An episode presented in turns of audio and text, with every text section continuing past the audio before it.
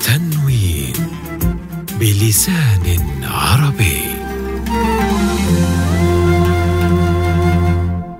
لا تؤجل.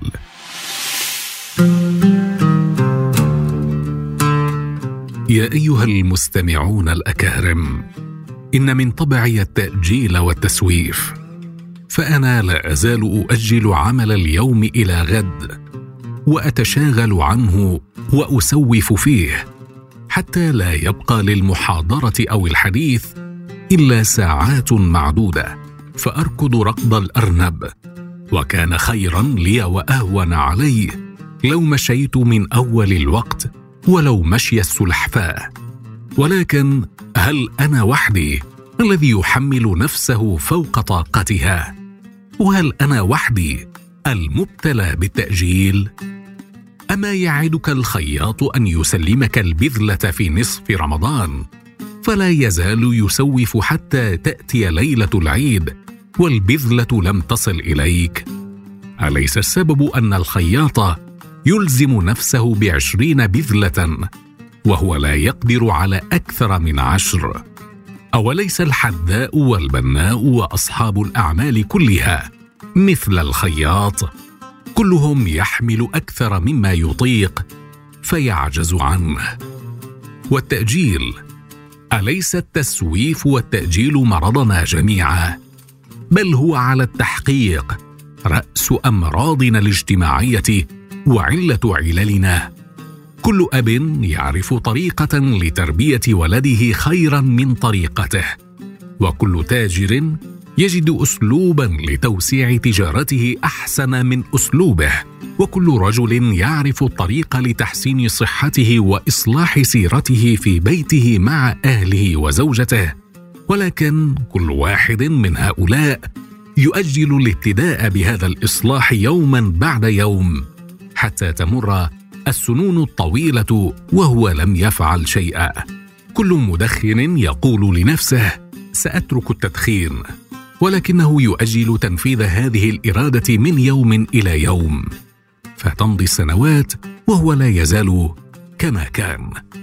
وكل مسرف مبذر يعزم أن يقتصد ويزن نفقاته بميزان العقل ولكنه يؤجل التنفيذ.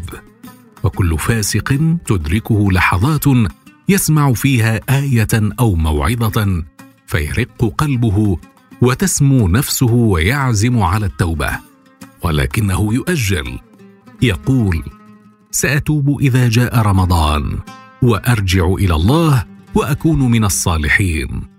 فإذا جاء رمضان قال سأحج وأتوب في الحج. فإذا ذهب وقت الحج قال أنا الآن شاب وسأتوب إذا بلغت أواخر العمر. ويمضي العمر وهو لم يتب ولم يصلح. يا أيها السامعون والسامعات إن الذي لا يقفز إلى الفريسة تفلت منه ومن لا يغتنم الفرصة في وقتها لا يجدها ومن لا يضرب الحديد حامية لا يستطع أن يضربه إذا برد. والذي يؤجل ما يجب عليه لا يقدر أن يؤديه كاملا. فيا أيها المدخن إذا عزمت حقا أن تترك الدخان فابدأ من الآن.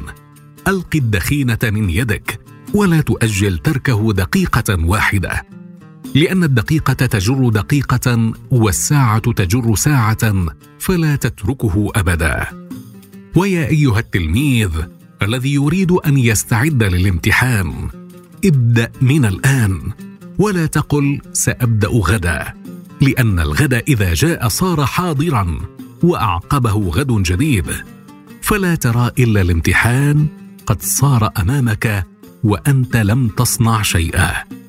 ويا أيتها المرأة التي تريد أن تصلح نفسها وتضع عقلها في رأسها فتهتم بأمر زوجها وأولادها لا بالأزياء والاستقبالات وبالكلام الفارغ اشرعي من الآن. ويا من يعلم أن بعد الدنيا آخرة وأن بعد الحياة موتى وأنه لا بد من وقفة للحساب ومشية على الصراط وليس بعد إلا الجنة أو النار. تب من الآن ولا تؤجل التوبة إلى غد. فإنك لا تدري ما هو مقدر عليك في غد. وليكتب كل واحد منكم هذه الحكمة في لوحة كبيرة. لا تؤجل عمل اليوم إلى غد. وليعلقها في صدر مجلسه. ولينظر فيها صباحه ومساءه. وليعمل بها. فهي دستور النجاح وأساس الفلاح. لا تؤجل عمل اليوم إلى غد.